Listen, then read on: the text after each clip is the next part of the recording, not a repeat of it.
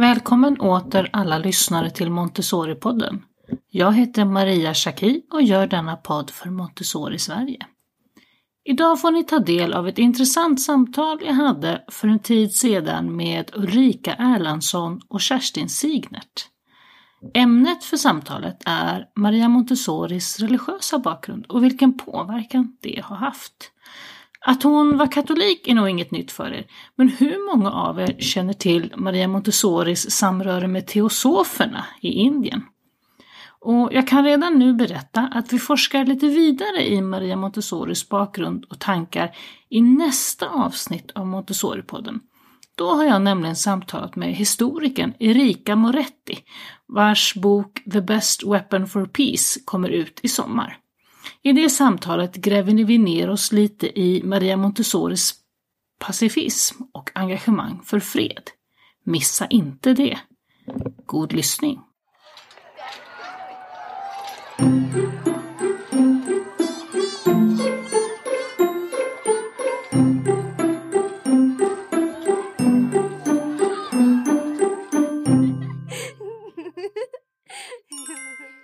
Välkomna till Montessori-podden Kerstin och Ulrika. Tack så mycket. Eh, Kerstin, du har ju varit med förut, men jag tänker Ulrika, du är ny för våra lyssnare. Kan vi inte börja med att du får presentera dig själv, vem du är och din bakgrund lite grann?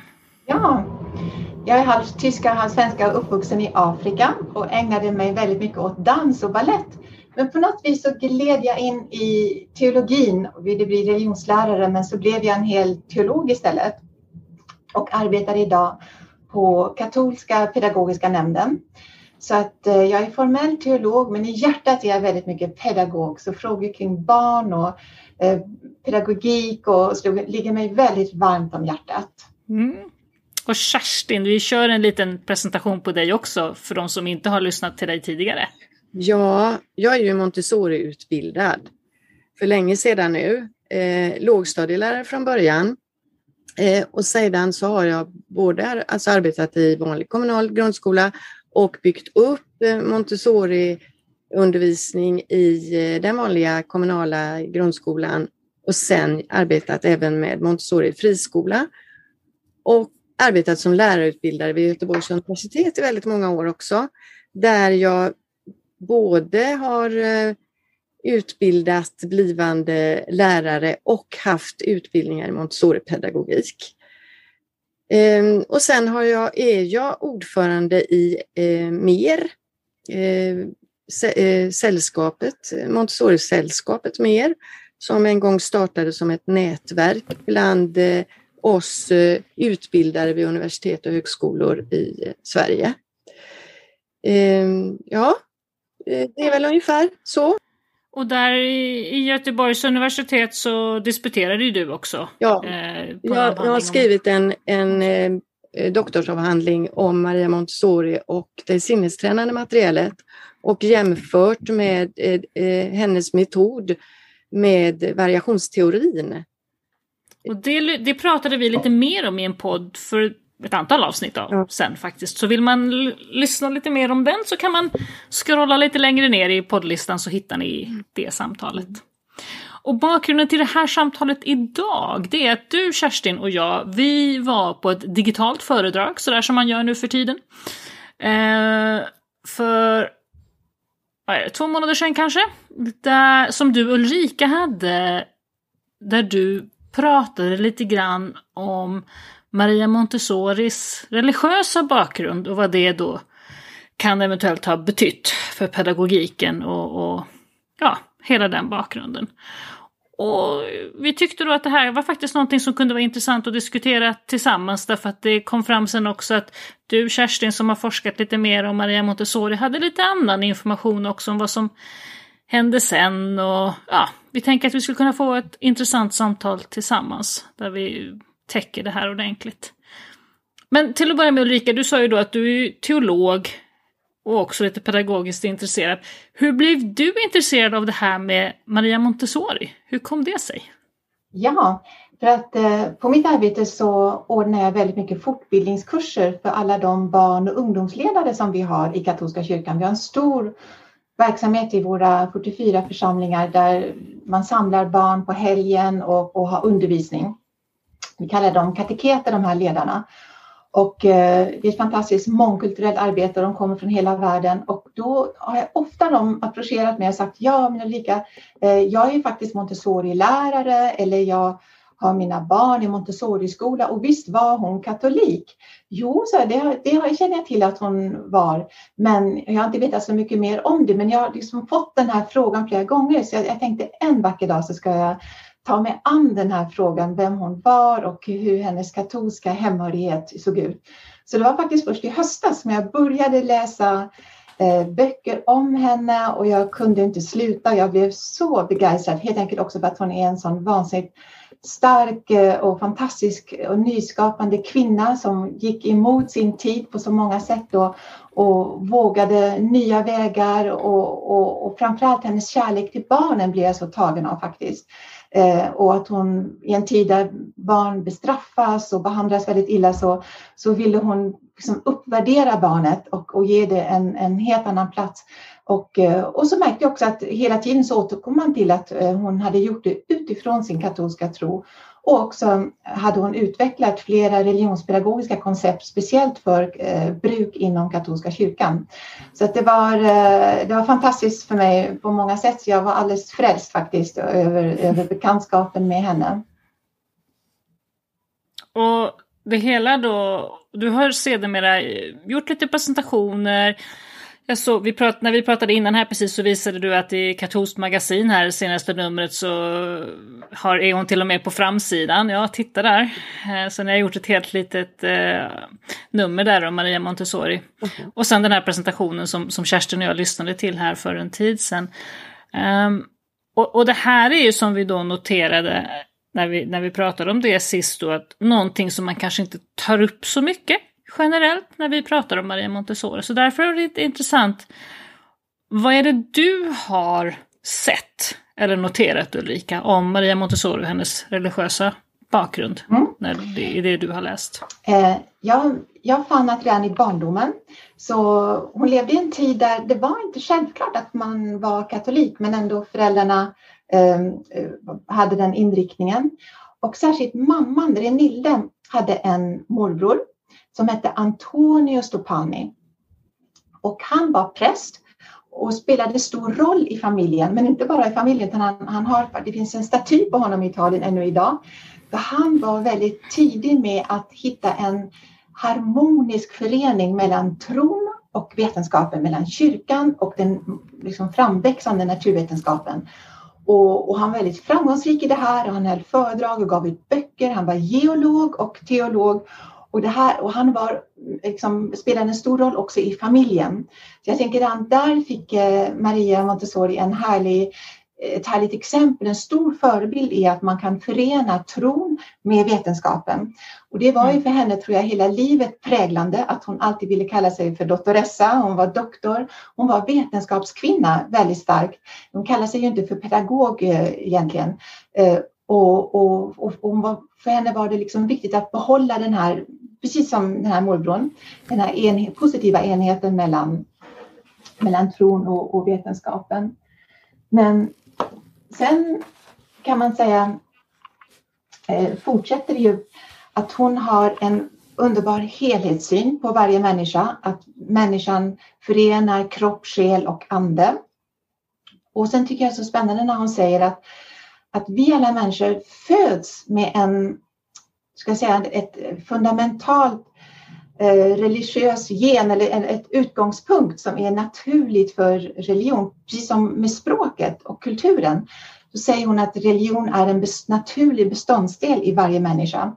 Och precis som om, om ett litet barn föds och aldrig skulle få höra någon tala till det lilla barnet så vore det ju en fruktansvärd eh, sak som aldrig kan utvecklas och blomma ut. Och så det jämför hon faktiskt med, med religionen också. Att vi alla har en grundläggande förutsättning för det religiösa livet som behöver vattnas, som behöver utvecklas.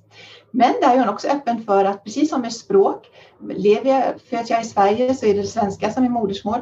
Men föds jag i Indien så är det kanske en annan, eh, annat språk och en annan religion. Här visar man hon tidigt också en öppenhet för, eh, för olika religioner. Hur definierar hon då religion? Hon säger att religion är att kunna se bortom det materiella, söka mening, rättvisa, längta efter tillit och vara öppen för det transcendenta. Och sen talar hon ju väldigt ofta om Gud i barnet. Att Gud har en plan med varje litet barn och att det gäller för pedagogen att liksom ha respekt för det här gudomliga närvaron i barnet så att det kan utvecklas på bästa sätt. Och det är här de här Montessori, de här bästa förutsättningarna eh, kommer in, att man bygger upp ett rum så att, att barnet får en frihet att utvecklas. Så det finns en naturlig lag där och, som inte ska störas. Hon, eh, eh hon hade ju också själv också en, en förhoppning att starta en religiös orden. Ni vet, vi har i katolska kyrkan, vi har dominikaner, franciskaner, jesuiter och hon ville starta en egen orden och började till och med avlägga löften. 19... Ja, men det här hörde jag du berättade ja, om när, när ja. och det tyckte jag var jättespännande. Jag har aldrig hört om förut att hon var inne på, på det. Berätta mer, det var jättespännande. Ja, det var, det var 1910 och hon, samlade, hon hade redan då startat sin, sin verksamhet med Montessori-pedagogiken och hon återkom i det läget flera gånger till att det här är, det, det är en gudsplan också med hennes liv. Hon kände sig kallad av Gud att sprida det här eh, och att hjälpa de här barnen. Hon hade, det var ju också utsatta barn Eh, hon vände sig till och det var ju nästan som en social rörelse att både barn med funktionsnedsättning men sen också fattiga barn gavs ju en helt annan möjlighet genom hennes pedagogik. Och hon såg mer och mer också Guds som kallelse i detta.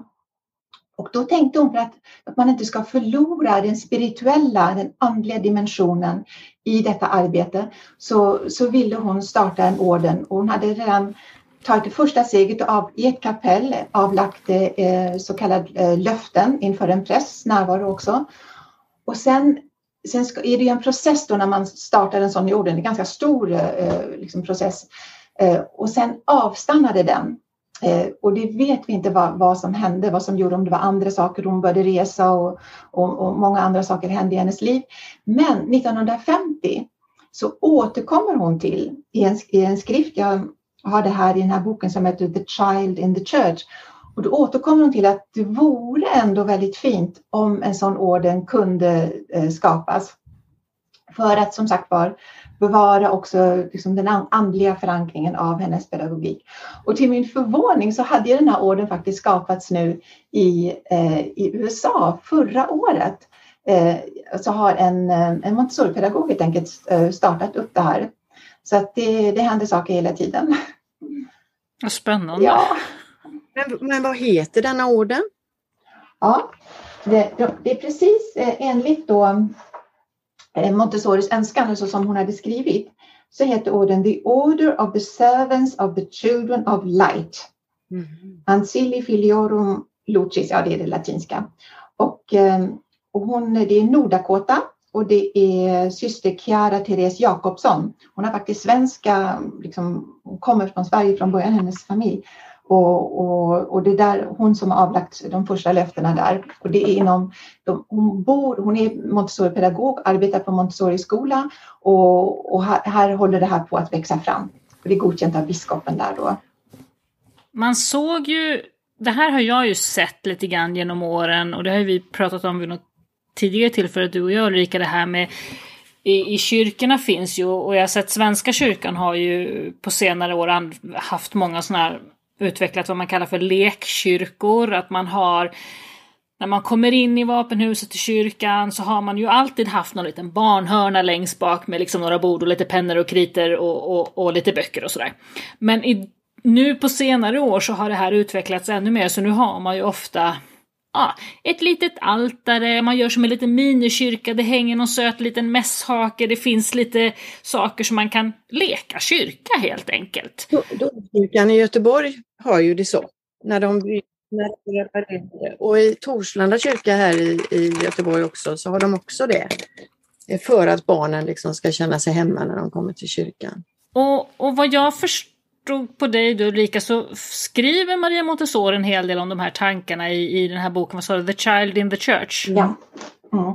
Berätta, vad, vad, vad, skriver hon? Det, vad, vad hände, vad, ja, vad hände Det som där? hände 1907 var att eh, påven den gången, Pius X, han tillät tidigare bara varit vuxna, det här har varit lite olika olika delar av världen, men, men många delar så var det bara vuxna som fick ta emot nattvarden.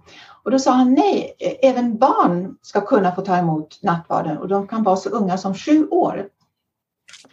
Och då hade han kontakt med Maria Montessori. Hon har ju alltid rört sig som jag förstår i olika, i också i, i toppskikt och i det lägsta skiktet i samhället, att hon har liksom hanterat båda nivåer. Så hon hade ju kontakt med alla påvar som, var, eh, som hon fanns under hennes levnadstid så att säga. Och han, men här var det han som tog kontakt med henne och sa, du som har utvecklat en sån fantastisk pedagogik, kan inte du också nu hjälpa barnen som ska ta emot nattvarden, att de får en god förberedelse? Och, det var, och här började hon samarbeta med en präst och eh, med en nunna småningom också och utveckla de här tankarna som heter eh, atrium. Och där är precis ni som är duktiga Montessori-lärare eh, skulle känna igen er det här att, man, att barnen själv får, det här har hon byggt liksom en liten mini, mini-altare, ett litet minidopfund och alla föremål som finns då inför mässan har man gjort det i barnstorlek och barnen ska så här, leka det här men också inte liksom hur fritt som helst utan precis som jag förstår i Montessori-sammanhang att allting har sin bestämda liksom, plats, sitt bestämda ändamål och barnen lär sig upptäcka det här. Och jag var faktiskt med några um, Moder Teresa av Calcutta-systrar i Fisksätra. De hade byggt upp ett sådant atrium helt enligt Montessoris eh, pedagogik och jag var alldeles hänförd för de hade tre små flickor som kom eh, med väldigt också multikulturell bakgrund och de bara gick in som i en, eh, vad ska jag säga, i en bubbla och de bara levde inne. De byggde upp de här altaren och byggde upp allting och var helt absorberade och lyckliga i, i det här eh, som de hade introducerats i av, av Moder Teresas systrar. Så det, det, var, det var väldigt fint. Och en lite mer light-version av det här finns då nu i Svenska kyrkan, då, det här så kallade lekkyrkor. Men det går tillbaka alltså till Montessori, helt klart. Som prästbarn då i Svenska kyrkan så är det lite roligt därför att jag har ju då och det tror jag delar med många prästbarn. Vi är nog ganska många som har då varit med i kyrkan alltid och sett det här, liksom observerat det. Som har lekt kyrka hemma med våra dockor och som har draperat något lakan över oss, radat upp alla mjukisdjur, gått och hämtat saft och så har vi lekt kyrka. Det har vi nog alla gjort som har den bakgrunden. Men det här är ju lite mer genomarbetat. Så att säga. Mm. Jag, jag tänker så här, jag har en bok som jag tog fram inför det här tillfället nu då, Barnens religiösa föreställningsvärld. Just det. Den boken. Just det, Marit Hamjar. Ja, mm. och den, där, i den så är kapitel 5, det handlar om Montessoris barnkyrka. Det var där jag läste om det där första gången ja. faktiskt också. Men jag tänker så här, för jag var, blev lite nyfiken Ulrika nu när du pratade om den här, um, var det en påve eller var en präst eller? Det var en påve som tog initiativ och bad henne jag undrar vilket år detta var? När var det? Eh, alltså det, han, han tog i kontakt med henne redan vid 1910 ungefär. Men sen den här boken om eh, The Atrium, som hon kallar då Atrium, mm. den kom ju lite senare. The eh, Church menar du?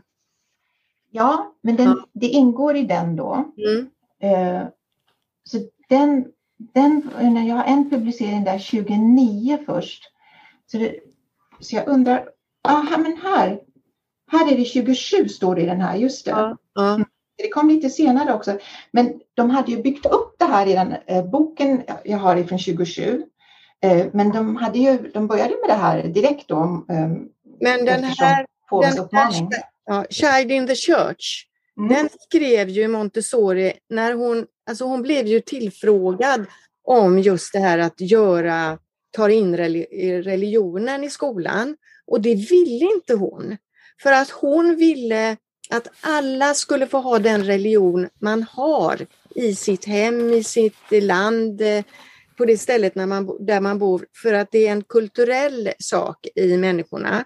Så hon tyckte ju till exempel inte om missionärer som åkte runt i världen och försökte få en annan religion. Det, och det blev ju väldigt, det blev ju hennes väldiga tanke när hon kom till Indien och såg Där hade ju människor en religion som fyllde hela familjen och barnen var med och sådär. Att hon tyckte att det var viktigt.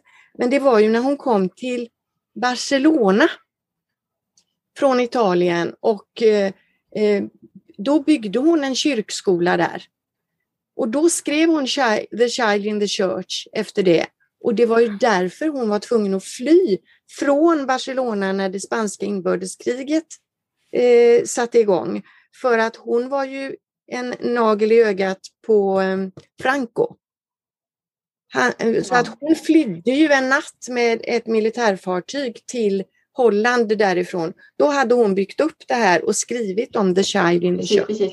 Jag tror vi måste eh, se, eh, skilja då att eh, påvar och eh, ja, och hon själv också, eh, hon vänder sig i vissa sammanhang då till det specifikt katolska sammanhanget, man skulle kunna säga, och hjälper till att utveckla det, religions, det katolska religionspedagogiska arbetet med barn inom katolska kyrkan, mm. Som är tänkt för dem. Och det är ju de skrifterna här jag har läst mycket av. Och The Child in the Church och det handlar om atrium och det handlar om, alltså det, det, är flera skrifter hon skriver som vänder sig liksom för en specifik katolsk publik. Och där tycker jag hon gör fantastiska saker. Eh, och, och där hon väldigt för, förtydligar hela tiden att ska man, ska man eh, ja, undervisa barn i katolska kyrkan då, då ska man jobba taktilt och, ni vet, och hon nämner Guds närvaro hela tiden. Så där, där tror jag man måste skilja lite då på det som hon riktar och gör på uppdrag av katolska kyrkan och, och riktar till en katolsk publik och det som hon gör eh, i ett större sammanhang. Ja, för som, precis som vi pratade om tidigare, att där är han ju då snarare inne på att det här religiösa liksom, sinnelaget finns hos barnen och behöver näring och utvecklas, men vilken näring och vilken riktning det utvecklas i beror på barnens sammanhang, var de är. Och att det var därför hon inte då riktigt ville att ta in religionen i, i pedagogiken per se. Mm. Men att om man gör det, beroende på vilket land man är i, så finns det ju sätt att göra det på. Men det här med Indien tänkte jag på, för där kommer hon ju i kontakt med lite andra, där kommer hon ju i kontakt med det här med teosofer. Mm. Är det någon av er som på ett enkelt sätt kan förklara för lyssnarna vad är teosof, teosofi och teosofer? Vad är det? Är det teologen som är bäst på det? Det, det jag kan säga eh, om teosofin det är att eh, den var väldigt populär. Eh, redan Oscar II var, liksom, eh, det var bland också samhällets toppskikt så var det många som koketterade med att man eh, liksom var bekant med teosofin. Och på samma sätt som den här morbrorn Stepani så gjorde teosoferna någonting som jag också kan tänka mig eh, tilltalade Montessori väldigt, att man var väldigt öppen för dialogen mellan eh, religion och vetenskap. Eh, att man, och ytterligare en, en positiv eh, liksom inbjudande sida med teosofen var ju att eh, man vill se alla folks brödraskap, att man ska liksom, i en tid där det varit mycket krig, då talar man återkommande om att fred liksom, på jorden. Så de, de här sakerna kan jag tänka mig eh, tilltalade henne väldigt.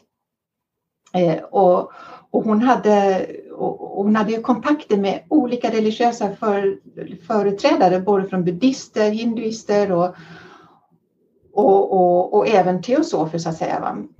Um, jag, titt, jag läste någonting om att redan 1907 när en av de högsta teosoferna, Annie Besant, var på föreläsning i Rom, ja men då var hon där och lyssnade.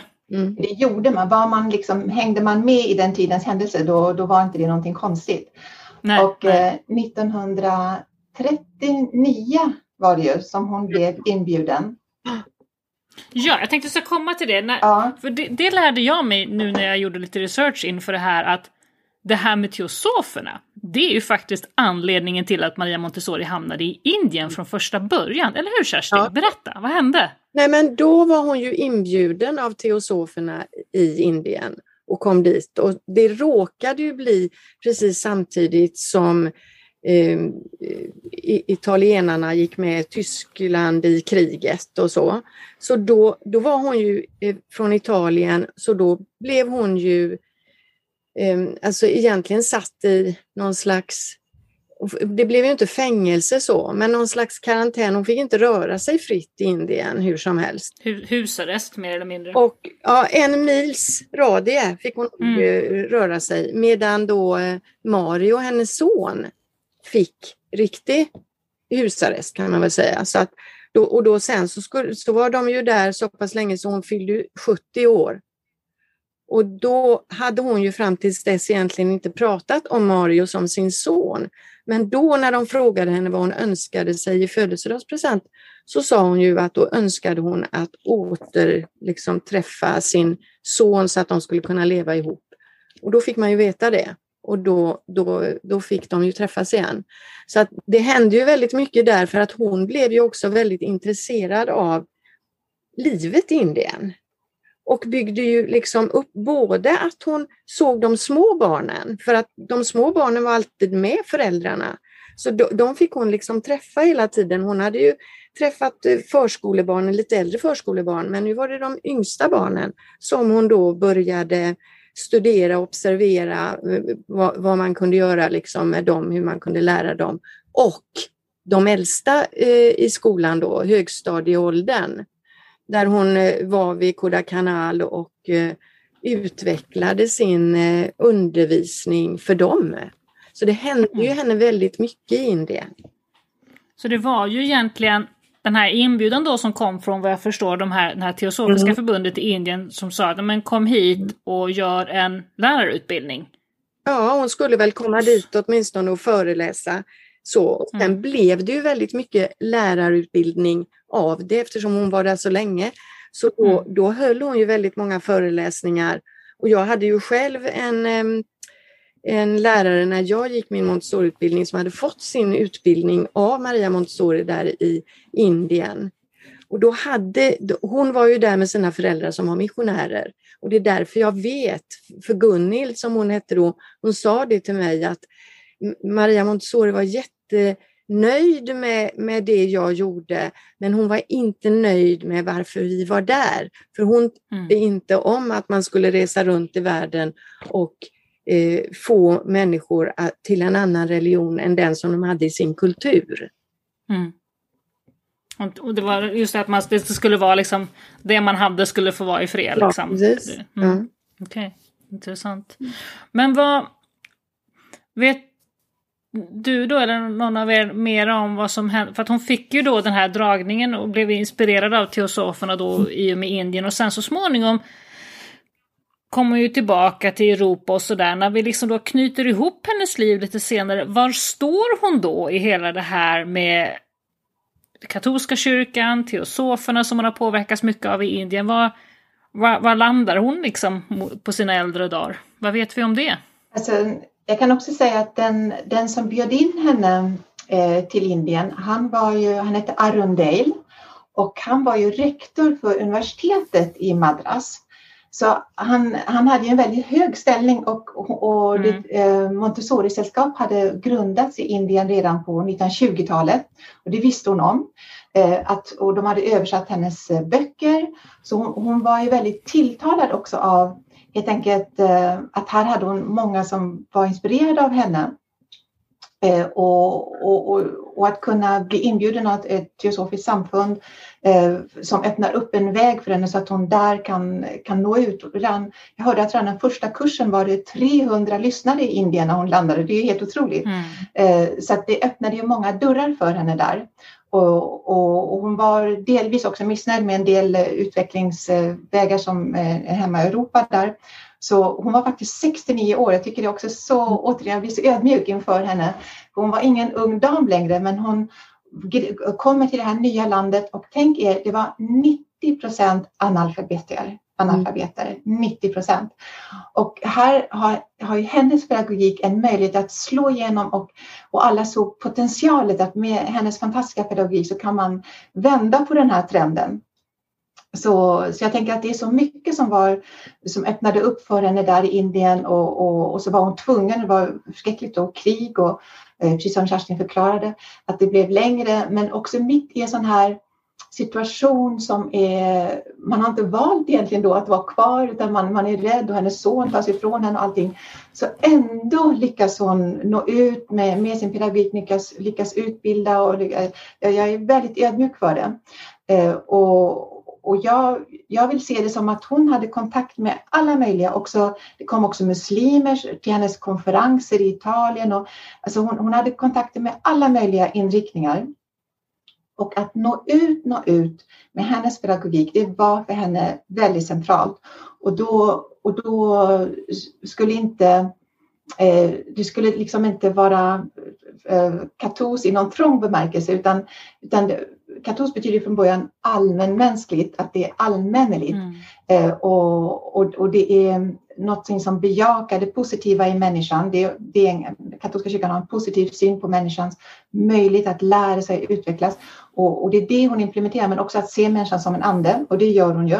Hon har till exempel den här tanken att, eh, eh att, in, att i varje Montessori-förskola, även i den icke-katolska, då ska det gärna vara en bild av Madonnan.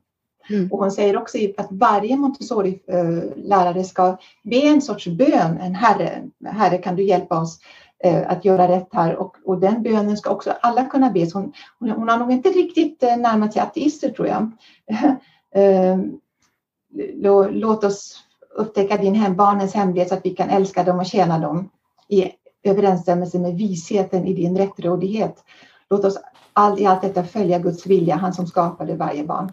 Men för att återgå till din fråga. Men, och, den, och, den, gör hon ju då ganska så neutral så mm. tillvida att hon pratar ju bara om Gud och inte på något särskilt mm. sätt. Hon pratar inte om Jesus, hon pratar inte om, alltså den blir ju väldigt ja. allmän religiös. Det, absolut, där är vi tillbaka till att hon vill nå ut till alla, absolut. Men jag kan ju säga att eh, just den att två saker ändå tyder på att hon, hon, fort, hon har ju aldrig sagt att jag är teosof eller nu har jag gått över till, eh, till liksom, det har hon ju aldrig gjort någonstans. Det finns ingen skrift, ingenting som tyder. Även medlemskapet är inte, så att säga, det finns inga papper på det. Eh, däremot vet vi att när hon kommer hem då tillbaka till Holland efter kriget, att hon, när hennes bok till en ny upplaga, en, hennes huvudbok, då vill hon igen söka biskopens imprimatur. Jag till exempel när jag arbetar på katolska pedagogiska nämnden i Sverige då och ger ut någonting så måste vi alltid ha biskopens godkännande för att det vi ger ut inte står, går emot katolska kyrkans lära. Men mm. en vanlig pedagog som ger ut en bok någonstans i världen ska inte behöva göra det. Utan det visar ju att hon även i hög ålder hade en extra känsla att hon ville liksom in i det sista aldrig gå emot sin egen kyrka. Och det fick hon. Hon fick de här, det här imprimaturen som det heter. Och sen att hon 1950, så sent som 1950, ändå ytterligare en gång uttrycker önskemål om att tänk vad fint det vore om en orden kan komma till. Jag tycker det visar ändå hennes vidsynthet är så stor och hon vill nå ut i hela världen men själv har hon en väldigt fast och, och naturlig och djup förankring ja, det, i det katolska. Det det är en spännande kombination, precis som du säger, att hon står ganska så starkt förankrad i det här, trots att hon då har varit i Indien och fått förmodligen upplevt teosoferna som något otroligt positivt, så står hon ändå ganska starkt i det här. Och sen det här som, som du säger Kerstin, att hon vill ju inte ta in det specifikt katolska till exempel i undervisning, utan det ska vara väldigt, mm. ja, att hon till och med ens tycker att missionärer är lite klåfingriga liksom och att det här, det är ju någon slags ultimat religionsdialog mm. kan man säga. Det är inte ens ekonomi, det är ekonomik, det är liksom religionsdialog. Det är ju ganska intressant. Det, det handlar ju om det också att eh, eh om hon, som du säger Ulrika, att eh, barn har en viss känslighet, nästan kanske lite känslig period för det här andliga.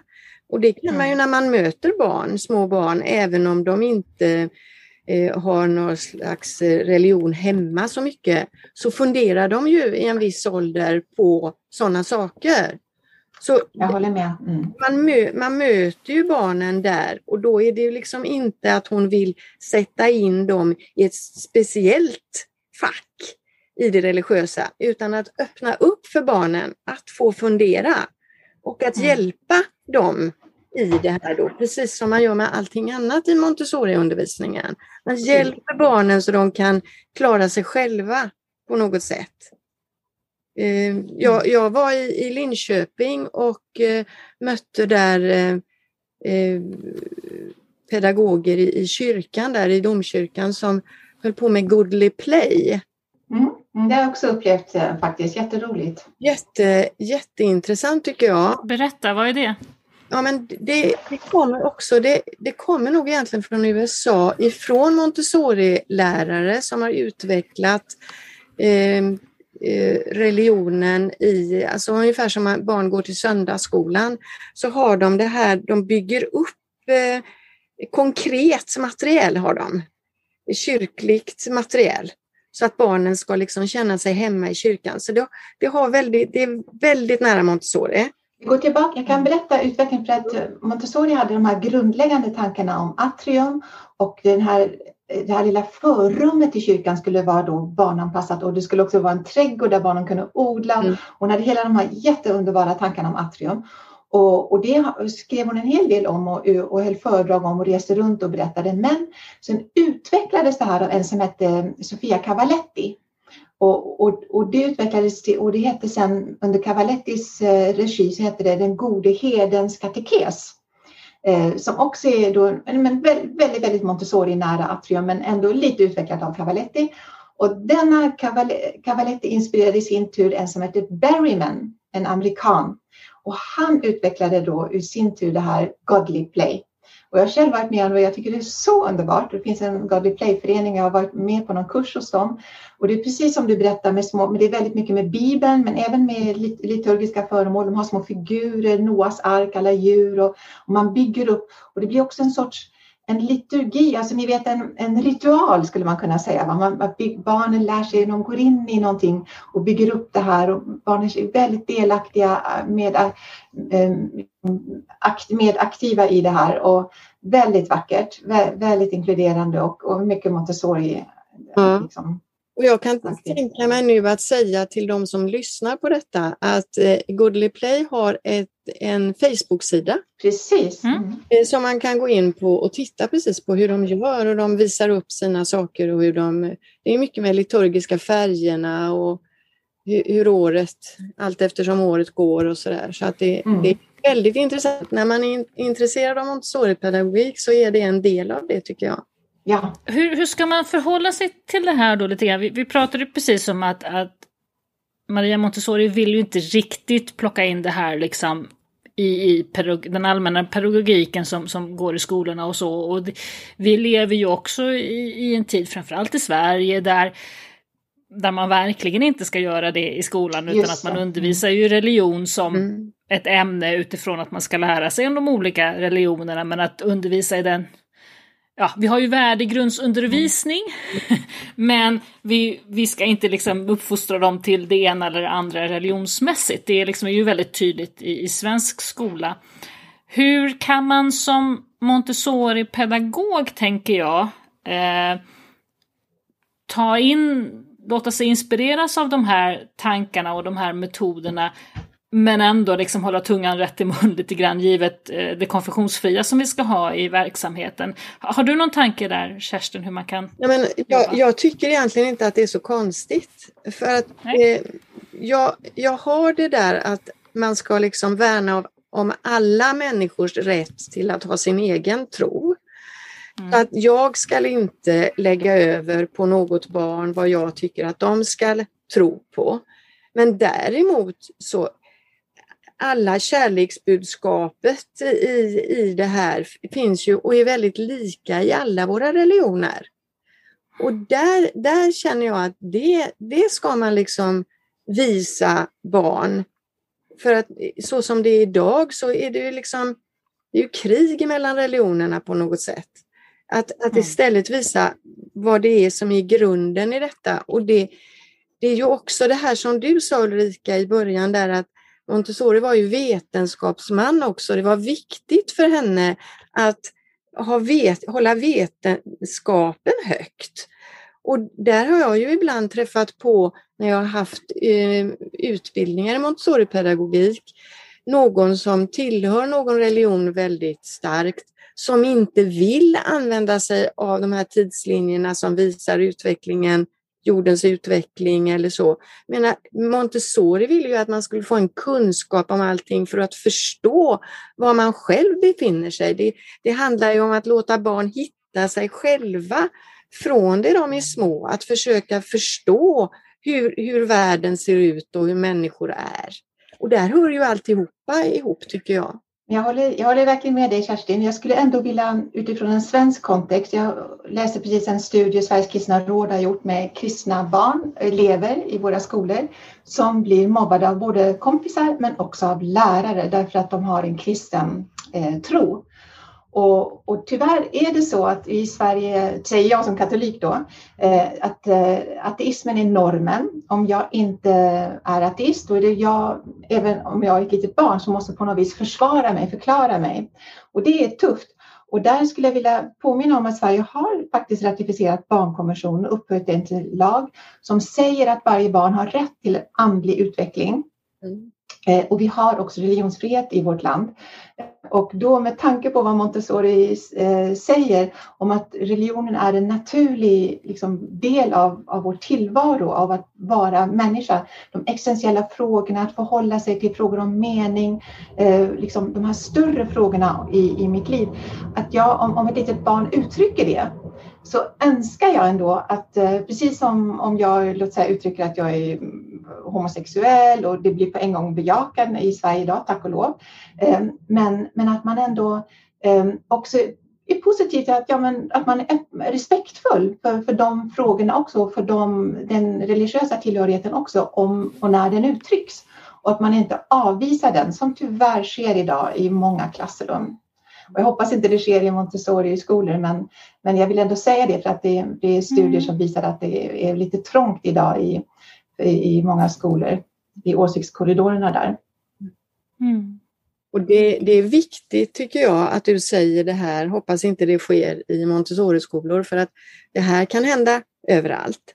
För mm. att eh, det är människor som, som sitter i alla klassrum med, med egna tankar och man, man, har en egen ryggsäck med sig in eller man har... Och jag tycker det är viktigt att vi, att vi verkligen lyfter det och pratar om hur viktigt det är, är för alla barn att bli bemötta med det de kommer med, med sina frågor. Eh, och där får vi verkligen träna oss själva som vuxna eh, från fördom och sånt. Vad vi än har för egna tankar om det så måste vi vara öppna mot barnen för att de måste kunna lära sig komma in i livet och förstå. Hur... Och de testar ju också. Ja. Vi hade, jag, jag kommer på, på min skola som jag var rektor för tidigare så vet jag att på lågstadiet när vi gick igenom då de olika religionerna då, liksom undervisningsmässigt, så tog vi in, eh, Sensus har ju sådana här multireligiösa guider. Eh, och vi hade en sån som kom och det var jättefint. Och då kom hon då med en liten, jag tänker just på det här med de här små miniatyrsakerna, så då kom hon då med en liten resväska liksom. Och där hade hon föremål från alla möjliga olika religioner som hon visade och tog upp och barnen provade den lilla kalotten och de hittade den och det här lilla ögat. Och, ja, men, och hon väldigt så konkret och beskrev. Och jag kommer ju ihåg hur barnen då i de här lågstadiebarnen, de här klasserna, de gick igenom de här eh, stora världsreligionerna då, liksom körde en per vecka liksom. Och att, hur barnen också kunde ena veckan, ja men det här verkar ju lite spännande. En sån här kanske man skulle bli. Mm. Ja, mm. och så nästa vecka, nej alltså nu har jag tänkt om. Det här! Att de fick utforska sina egna tankar i takt med också att de lärde sig eh, om de olika religionerna. Eh, det tyckte jag var ganska häftigt att se, att se hur de eh, verkligen kunde ja, ja. sätta sig in i och fundera Ja. Om, om, ett litet barn säger men jag, jag tror att Gud har skapat den här blomman som är så vacker som vi alla mm. blir hänförda av. Att, att, man, att man kan ta det. Man säger vad fint mm. liksom, att du säger så. Ja. Mm. Att man inte säger men så här tror vi inte i, hos oss. Liksom. Utan att man faktiskt respekterar det och säger att ja, men det, det, det är också en tanke. Liksom, mm. så. Mm. Bara, ja, bara det lilla, det är en attitydfråga mm. egentligen. Mm. Men jag tror att vi är, vi befinner oss i ett samhälle där vi är väldigt rädda för religionen. Mm. Och eh, där vi är väldigt rädda för att diskutera det. Ja, det är nästan som att diskutera sex med barn så är det liksom lika svårt på något sätt. Ja. Så att, nej, men vi får försöka lära oss själva att vara öppna mot barnen, att lyssna på barnen och att, att verkligen, alltså det här med om man är Montessori-lärare och man blir som du nästan lite frälst av att komma i kontakt med henne. För jag tror nästan de allra flesta som har läst Montessori-pedagogik, de har fått den känslan. Det är därför man fortsätter. För att det här är liksom så stort. Eh, då måste vi fortsätta med, med det att vara öppna, våga låta barn tänka högt och våga mm. ta emot det. Bara som, liksom, vi, behöver inte, vi behöver inte ha några egna åsikter om det. Vi kan bara lyssna på dem. För så är det med allting. Vi ska lyssna på barnen och försöka förstå och låta dem utvecklas i lugn takt på det sättet som liksom de kan lära sig något. Det är ju så viktigt tycker jag. Jag blir jätteglad när du säger så. Jag håller, jag håller verkligen med. Återigen, helt i Montessoris anda att, um, att sätta barnet främst och barnets frihet och barnets öppenhet för, för alla möjliga dimensioner. Mm. Också. Mm. Att inte vara så låsta själva i det här så att rädda för det. Jag kommer ihåg när jag arbetade i skolan och det är väldigt länge sedan men vi satte oss i ring och så sjöng vi Vi sätter oss i ringen och tar varandra i hand. Då, då, då fanns det barn som inte ville göra det för de tyckte att det lät väldigt religiöst.